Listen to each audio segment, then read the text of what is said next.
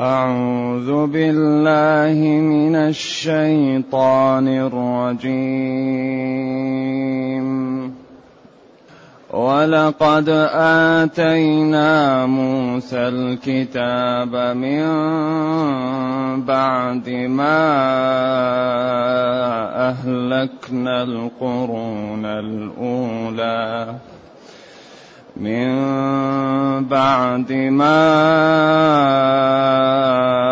أهلكنا القرون الأولى بصائر للناس بصائر للناس وهدى ورحمة. وهدى ورحمة لعلهم يتذكرون.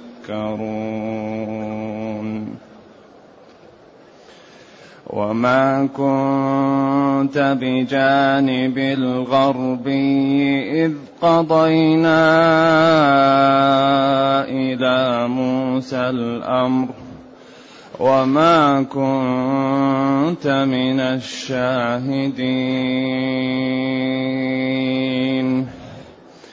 ولكنا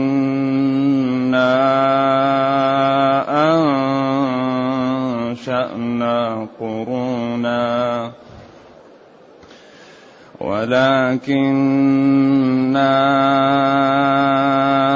أنشأنا قرونا فتطاول عليهم العمر فتطاول عليهم العمر وما كنت ثاويا في أهل مدين وما كنت ثاويا في أهل مدين تتلو عليهم آياتنا تتلو عليهم آياتنا ولكنا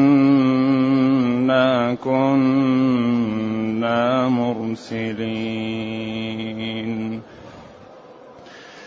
وما كنت بجانب الطور إذ نادينا.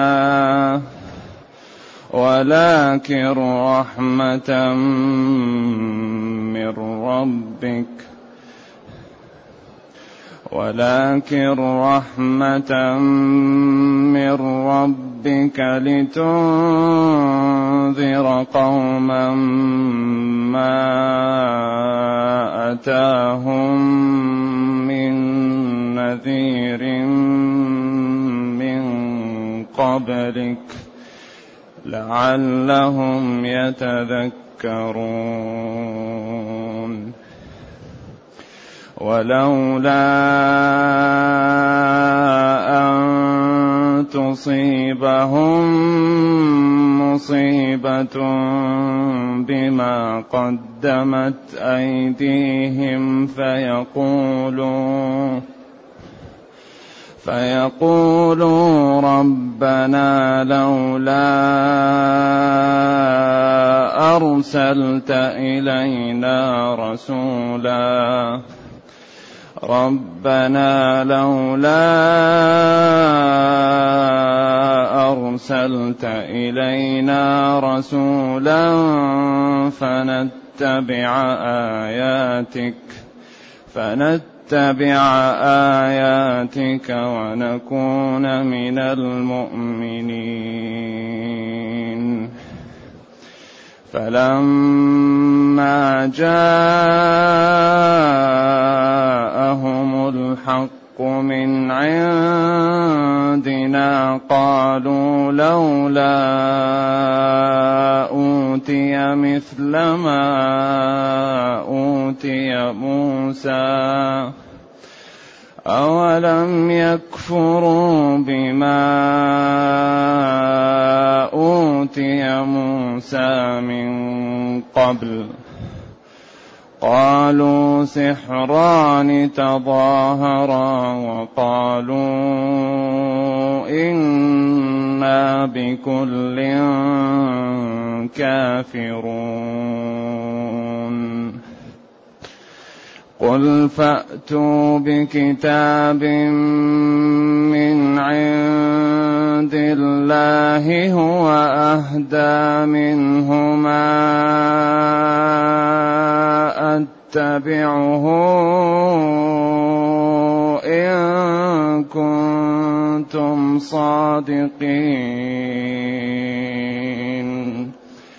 فإن لم يستجيبوا لك فاعلم. قل فاتوا بكتاب من عند الله هو أهدى منهما. أتبعه. قل فأتوا بكتاب من عند الله هو أهدى منهما. أتبعه. أتبعه إن كنتم. أتبعه إن كنتم صادقين.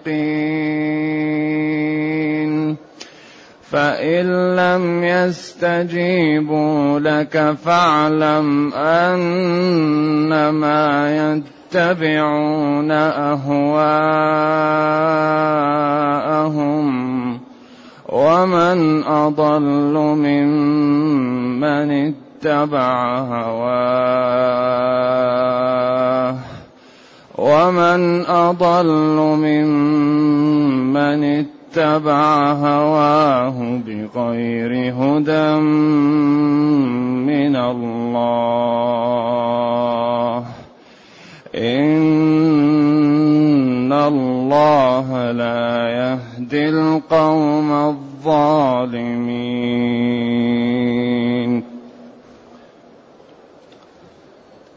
الحمد لله الذي أنزل إلينا أشمل كتاب وأرسل إلينا أفضل الرسل وجعلنا خير أمة أخرجت للناس فله الحمد وله الشكر على هذه النعم العظيمة والآلاء الجسيمة والصلاة والسلام على خير خلق الله وعلى آله وأصحابه ومن اهتدى بهداه. أما بعد فإن الله جل وعلا يقول ولقد آتينا موسى الكتاب من بعد ما أهلكنا القرون الأولى بصائر للناس وهدى ورحمة لعلهم يتذكرون. هذا يدل على أن القرون السابقة لموسى أنها أهلكت ويدل على أن موسى أرسل بعده بمدة بفترة. من بعد ما أهلكنا القرون. عاد وثمود وصالح وقوم لوط وقوم شعيب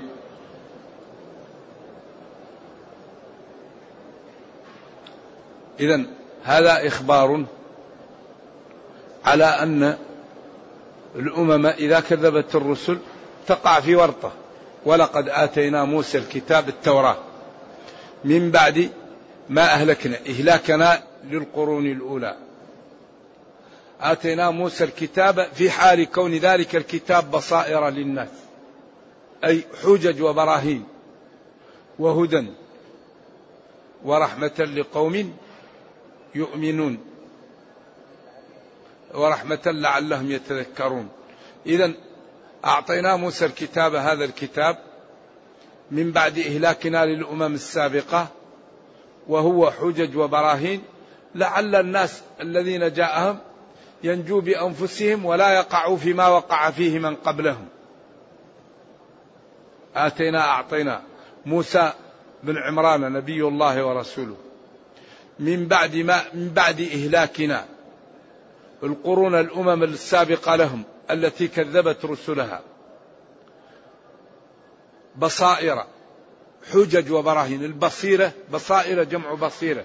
والبصيرة هي الدليل والحجة الواضحة. للناس للخلق.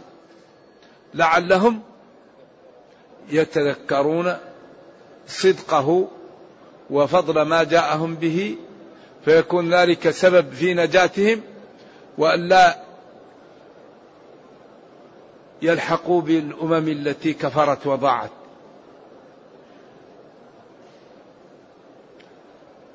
وهنا فيه شبه بين قوم موسى لأنهم بعد فترة وقوم محمد صلى الله عليه وسلم بعد فترة ولأن هؤلاء من بعد القرون الأولى قيل لم تهلك أمة إلا الذين اصطادوا في السبت. أما الآخرون لم يهلكوا وإن كان فرعون آه، وقومه يعني أهلك كثير منهم في الماء.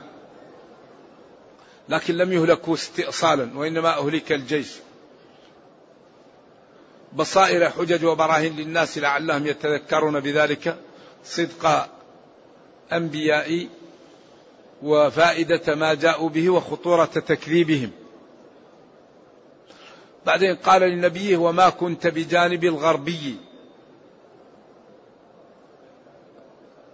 إذ قضينا إلى موسى الأمر وما كنت من الشاهدين. هذا إخبار ضمني بأن نبينا مرسل وما كنت بجانب الغربي. ما كنت موجودا وأنت عندك تفاصيل هذه المسائل من أين جاءك ذلك وأنت لا تقرأ ولا تكتب. أمي. إذا هذا برهان على رسالته صلى الله عليه وسلم. وما كنت يا نبي بجانب الغربي الوادي جانبه الغربي حين قضينا إلى موسى الأمر أي أرسلناه. عندما قال لأهلهم كثوا وآنس نار من جانب الوادي الأيمن هو الجانب الغربي قالوا هذا كل المقصود به باب الكعبة. يعني عند اليمين اللي على اليمين من باب الكعبة هذا يمين واللي وراه يسار. قالوا هذا معروف عندهم. ولذلك سمي لأنه يكون على جهة يعني يمين الكعبة وهذا على يسارها. قالوا كل هذا المقصود به باب الكعبة. هو الذي يجعل يمين ويسار. وهذا اختيار بعض العلماء لأن اليمين واليسار أمر نسبي. فيمكن يمينه إذا كنت على جهة أو ملتفت على جهة. لكن اليمين واليسار يقولوا على جهة باب الكعبة. هذا هو الذي ينضبط عندهم وهو الذي يقولون. إذا وما كنت يا نبي بجانب الغربي حين قضينا إلى موسى الأمر أرسلناه واصطفيناه بالرسالة. وما كنت من الشاهدين. ما كنت من الحاضرين ذلك ولكن أنشأنا قرونا. بعد قرون فتطاول عليهم العمر.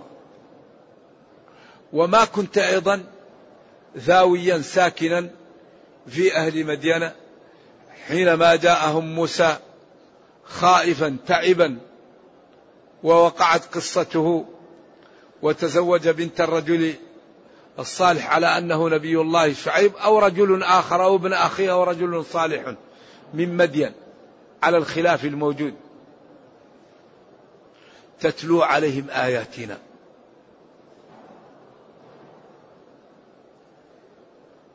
ولكن كنا مرسلين. هنا ثقل الجمله اذا أنت يا نبي لا تعلم هذه الأمور.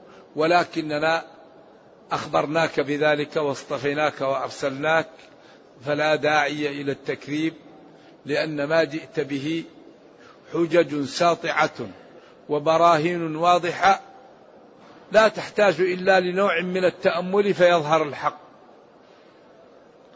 ولذلك يعني الرسل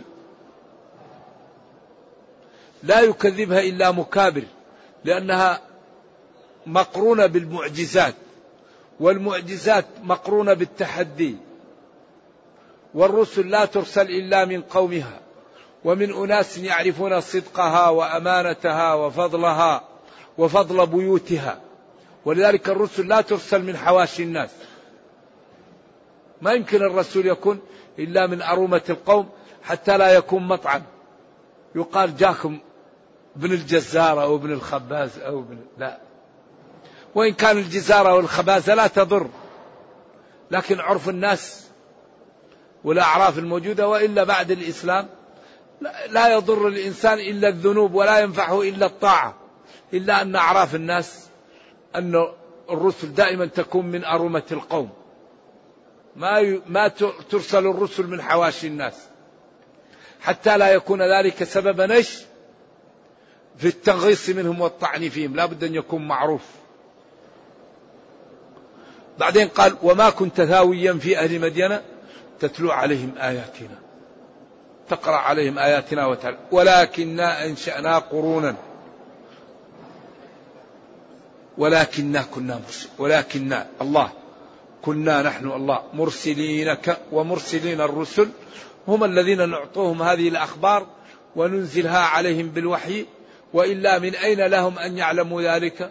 وهم لا يقرأ النبي صلى الله عليه وسلم لا يقرأ ولا يكتب وفي بلد أهله لا يقرؤون ولا يكتبون ويأتي بتفاصيل هذه القصص الدقيقة وببيانها وواقعها. فهذا أكبر دليل على أنه مرسل من عند الله. ولذلك قال وما كنت تتلو من قبله من كتاب ولا تخطه بيمينك إذا لارتاب المبطلون. تلك من أنباء الغيب. نوحيها إليك ما كنت تعلمها أنت ولا قومك من قبل هذا. وما كنت لديهم إذ يلقون أقلامهم. أيهم يكفل مريم؟ وما كنت لديهم إذ يختصمون. فهذه أدلة على أنه مرسل من عند الله. ثم قال وما كنت بجانب الطور إذ نادينا. نادينا موسى ليأتي بالتوراة. وهذه التفاصيل أولا رسالته ثم ذهاب ليأتي ودعاء وذهاب بقومه ليأتي بالطور وحصل لهم ما حصل لهم. إذ نادينا ولكن رحمة من ربك ولكن نحن أرسلناك واصطفيناك رحمة من ربك لتنذر قوما ما أتاهم من نذير من قبلك. لعلهم يتذكرون. ولكن رحمة رحمة يمكن أن تكون رحمناهم رحمة. أو أرسلناك ولكن أرسلناك رحمة. يمكن تكون مفعول لأجله ولكن أرسلناك لأجل أن نرحمهم نرحم الناس. أو ولكن رحمنا بك رحمة. ولكن لكن هنا حرف ملغي لا عمل له. خفف ولا عمل.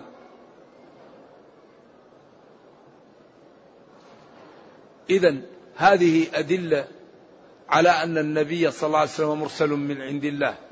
والدليل أنه أخبر بأمور هو لا يقرأ ولا يكتب وهي واقعة ولم تكن في زمنه ولم يكن حوله من يقرأ ويكتب. ولكن أرسلناك واصطفيناك رحمة من ربك لخلقه لكي لتنذر قوما أو قوما جماعة وهم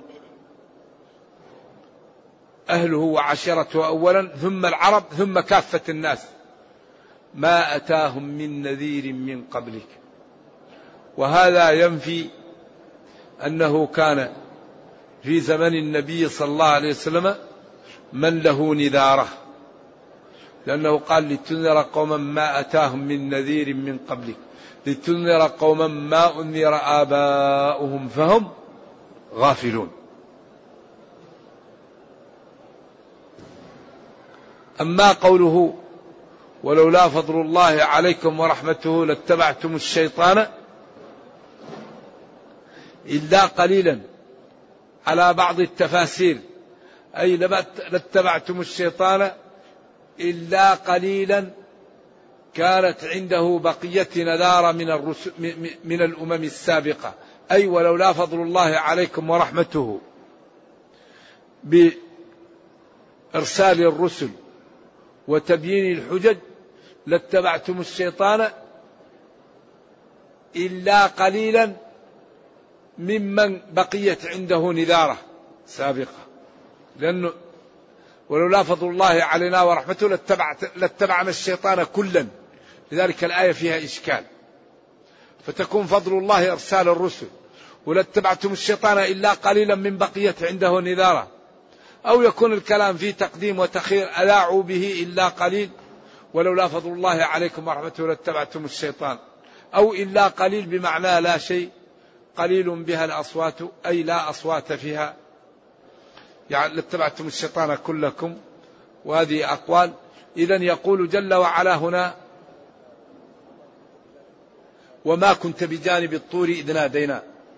إذا أنت علمت هذه الأمور بالوحي إذا أنت رسول يجب أن تتبع وأن تطاع فيما جئت به. ولكن أرسلناك واصطفيناك لأجل رحمة الخلق رحمة من ربك. لكي لتنذر لكي تنذر قوما جماعة ما أتاهم من نذير من قبلك. لعلهم بذلك الإنذار ولذلك التخويف ولذلك الإخبار يتذكرون يعني صدق ما جئتهم به ومنفعته فيبادرون في الدخول في الإسلام فيسعدوا في دنياهم وأخراهم.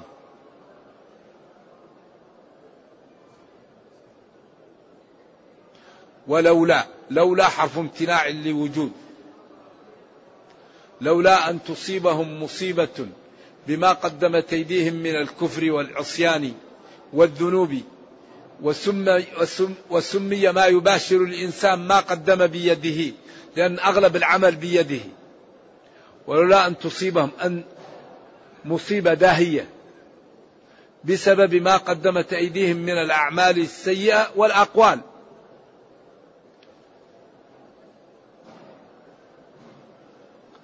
لقالوا ربنا لولا أرسلت إلينا رسولا فنتبع آياتك. ولذلك لولا أن يقولوا لولا أني عذبتهم قبل أن نأتيهم بالرسل لقالوا لولا أرسلت إلينا رسولا. لكن جاء بها كأن الجواب محذوف. ولذلك أرسل الرسل حتى لا تبقى حجة على الناس. ولولا أن تصيبهم مصيبة بما قدمت أيديهم فيقولوا ربنا لولا أرسلت إلينا رسولا لولا ذلك لعاجلتهم بالعقوبة أو لأخذتهم بذنوبهم في وقتها. ولكن لقيام الحجة عليهم وقطع هذه الطريق أخرتهم وأرسلت لهم الرسل حتى تقوم الحجة عليهم ويعذبون ولا ولا حجة لهم.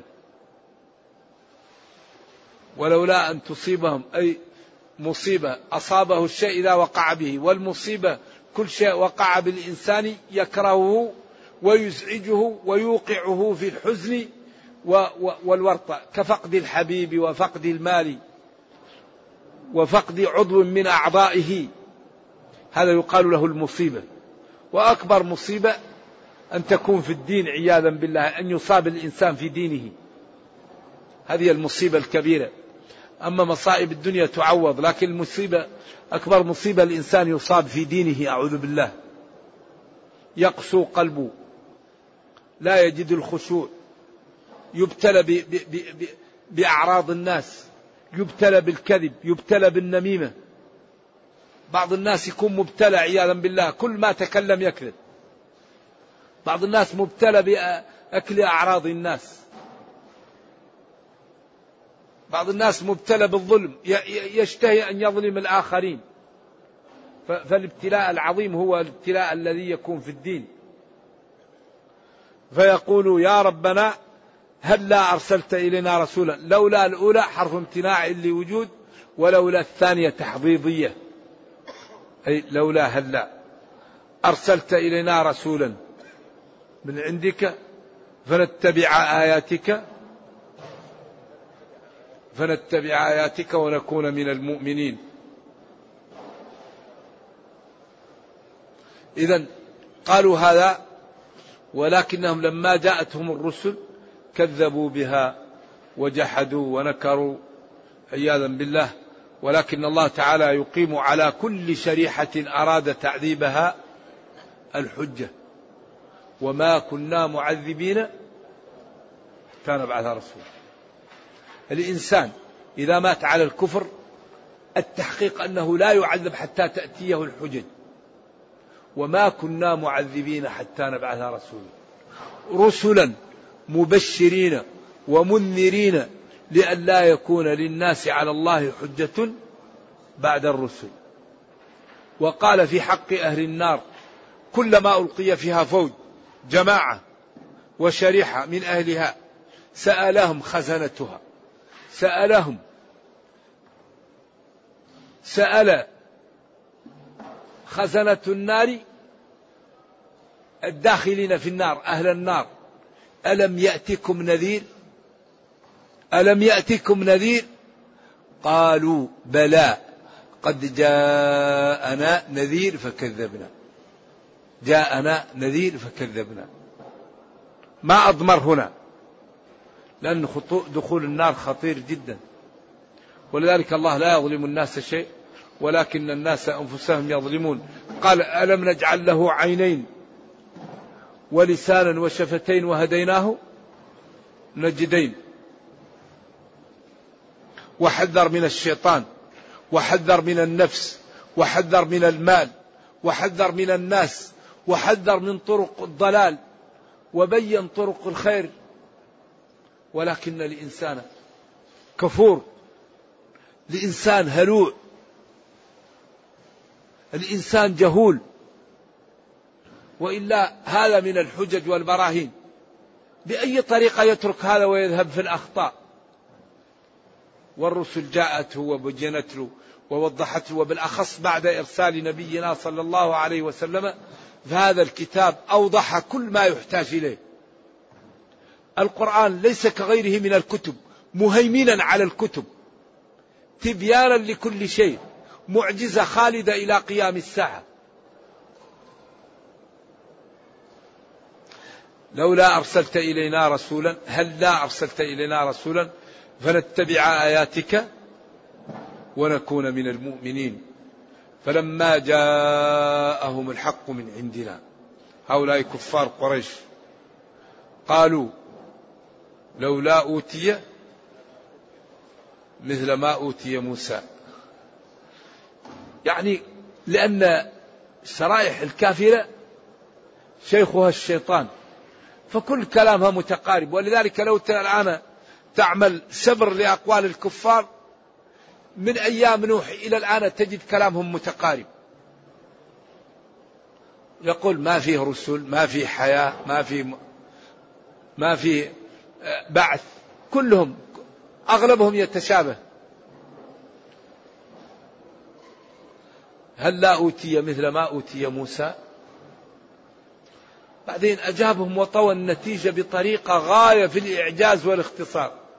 أولم يكفروا بما أوتي موسى من قبل؟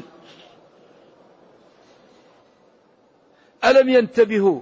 فيعلموا أنهم كفروا بما أوتي موسى. وكذبوا ووقفوا في وجهه. وما أعطي محمد صلى الله عليه وسلم أوضح مما أعطي أي رسول لأن موسى أعطي العصا واليد وانتهت معه. لكن نبينا صلى الله عليه وسلم أعطي قرآنا يتلى إلى قيام الساعة محفوظ لا يزاد فيه حرف ولا ينقص منه حرف. إنا نحن نزلنا الذكر وإنا له لحافظون.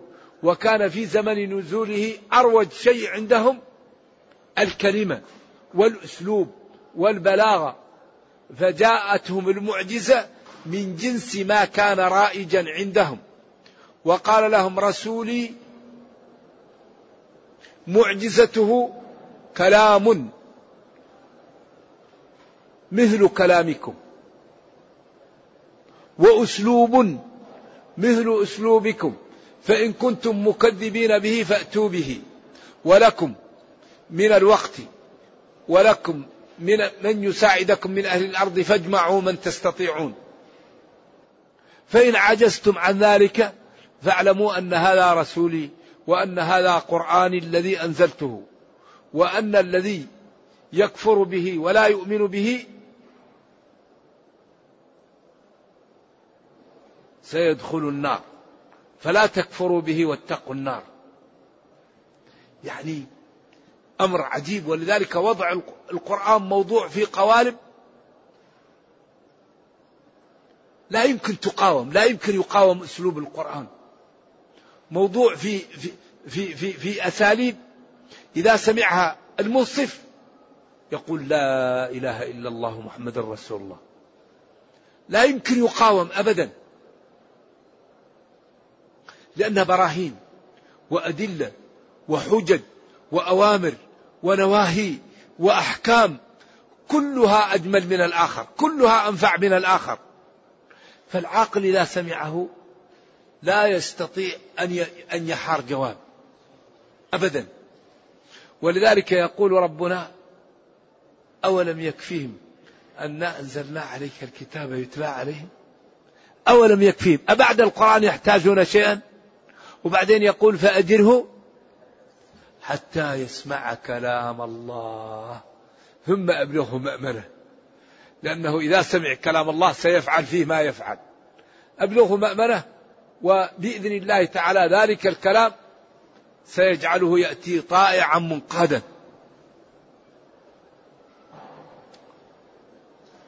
ولذلك يقول الخطابي في رسالته القيمة إعجاز القرآن إن الله تعالى اختار لكلامه أجمل الحروف في أجمل الكلمات في أجمل المعاني في أجمل النظم. فجمع بين السلاسة والفخامة وبين الجزالة والعذوبة وهذا لا يعهد في كلام البشر. جمع من الجلال والجمال والحسن والعذوبة. والبلاغة. ما لا يستطيعه البشر. فلذلك حري بنا أن لا نحول بين الناس وبين القرآن بين الناس وبين الإسلام. حري بالأمة المسلمة أن لا تكون حائل بين الكفار وبين حقيقة الإسلام لأنهم يغبشون عليهم بأخلاقهم وبمخالفاتهم. وبعدم فهمهم لكتاب ربهم. إذا يقول أولم يكفروا بما أوتي موسى من قبل؟ كلام معجز موجز. طيب أنتم كفرتم بما أوتي موسى فلم تطالبوني بنأتي بمثل ما أوتي موسى؟ وأنتم كفرتم به وما جئت به طالبتكم بأن تأتوا بمثله وعجزتم. ففيه برهان أكبر. من أني أقول لكم هذا كلام. من جنس كلامكم وأتوا بمثله فعجزتم. ولذلك الإعجاز في القرآن بالنسبة للناس إلى نوعين. من كان يعرف البلاغة والأساليب ودلالات الألفاظ فإذا سمع القرآن علم جماله وجلاله وحسنه. والذي لا يفهم ذلك يعلم بالتواتر أن قريشا جاءهم نبينا صلى الله عليه وسلم وجاءهم بالقرآن وقال لهم أنا رسول من عند الله ودلالة رسالة هذا الكلام فإن كنتم مكذبين بي فأتوا بمثله فإن عجزتم فاعلموا أني رسول. فتركوا الإتيان به وفقدوا أموالهم وأولادهم ومنازلهم ولو كانوا يستطيعون أن يأتوا بمثل الكلام لما تركوا السهل وذهبوا إلى الصعب. فدل بالإخبار والتواتر على أنهم عاجزون لأنهم طلبوا به ولم يأتوا بمثله. أما الذي يعرف الأساليب والبلاغة ودلالات الكلام فإذا سمع القرآن علم أن هذا الكلام لا يمكن أن يأتي به البشر. لأن أحيانا الكلمة الموجودة في القرآن لو اجتمع أهل الأرض على أن يأتوا بمثل كلمة تنوب عنها ما يستطيعون. الآن لو نأخذ كلمة إلا لا يرقبون في مؤمن إلا إلا هنا كأنها لا يرقبون في مؤمن أي شيء مما تجعله العادة يرقب. الإل العهد. الإل الله الإل القرابة الإل اليمين الإل اللمعان الإل الحديد. فاختار هذه الكلمة يقول ابن العربي إن لها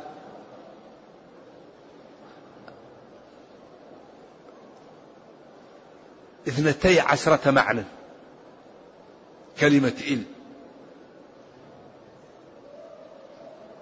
فاختار ولذلك كلمات القرآن وذروا ظاهر الإثم.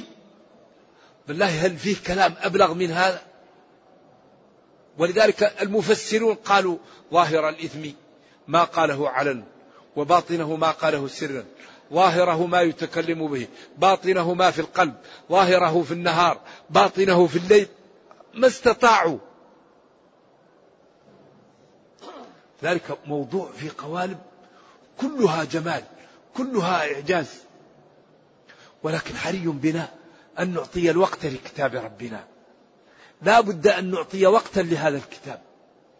نفهم نتدبر نتأمل نعمل نتأدب بآدابه نتخلق بأخلاقه لأن ذلك هو الفوز وهو السعادة وهو الرفعة.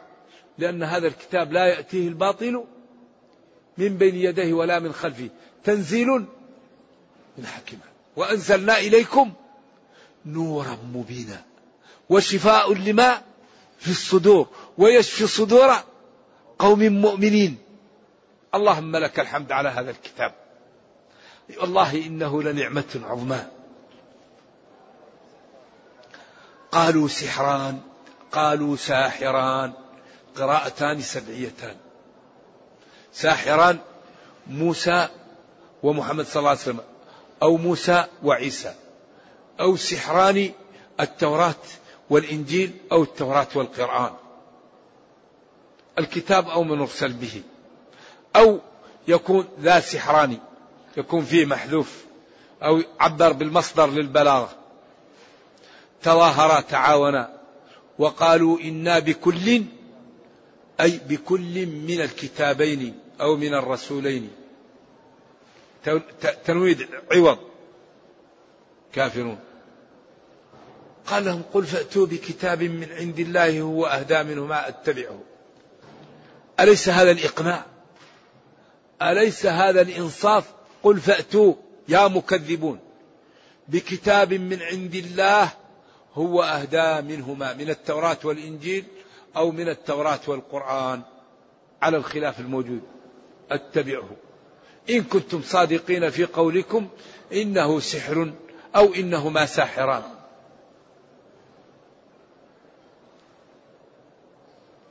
هنا دلالة أن القرآن يسكت من يعارضه فإن لم يستجيبوا لك.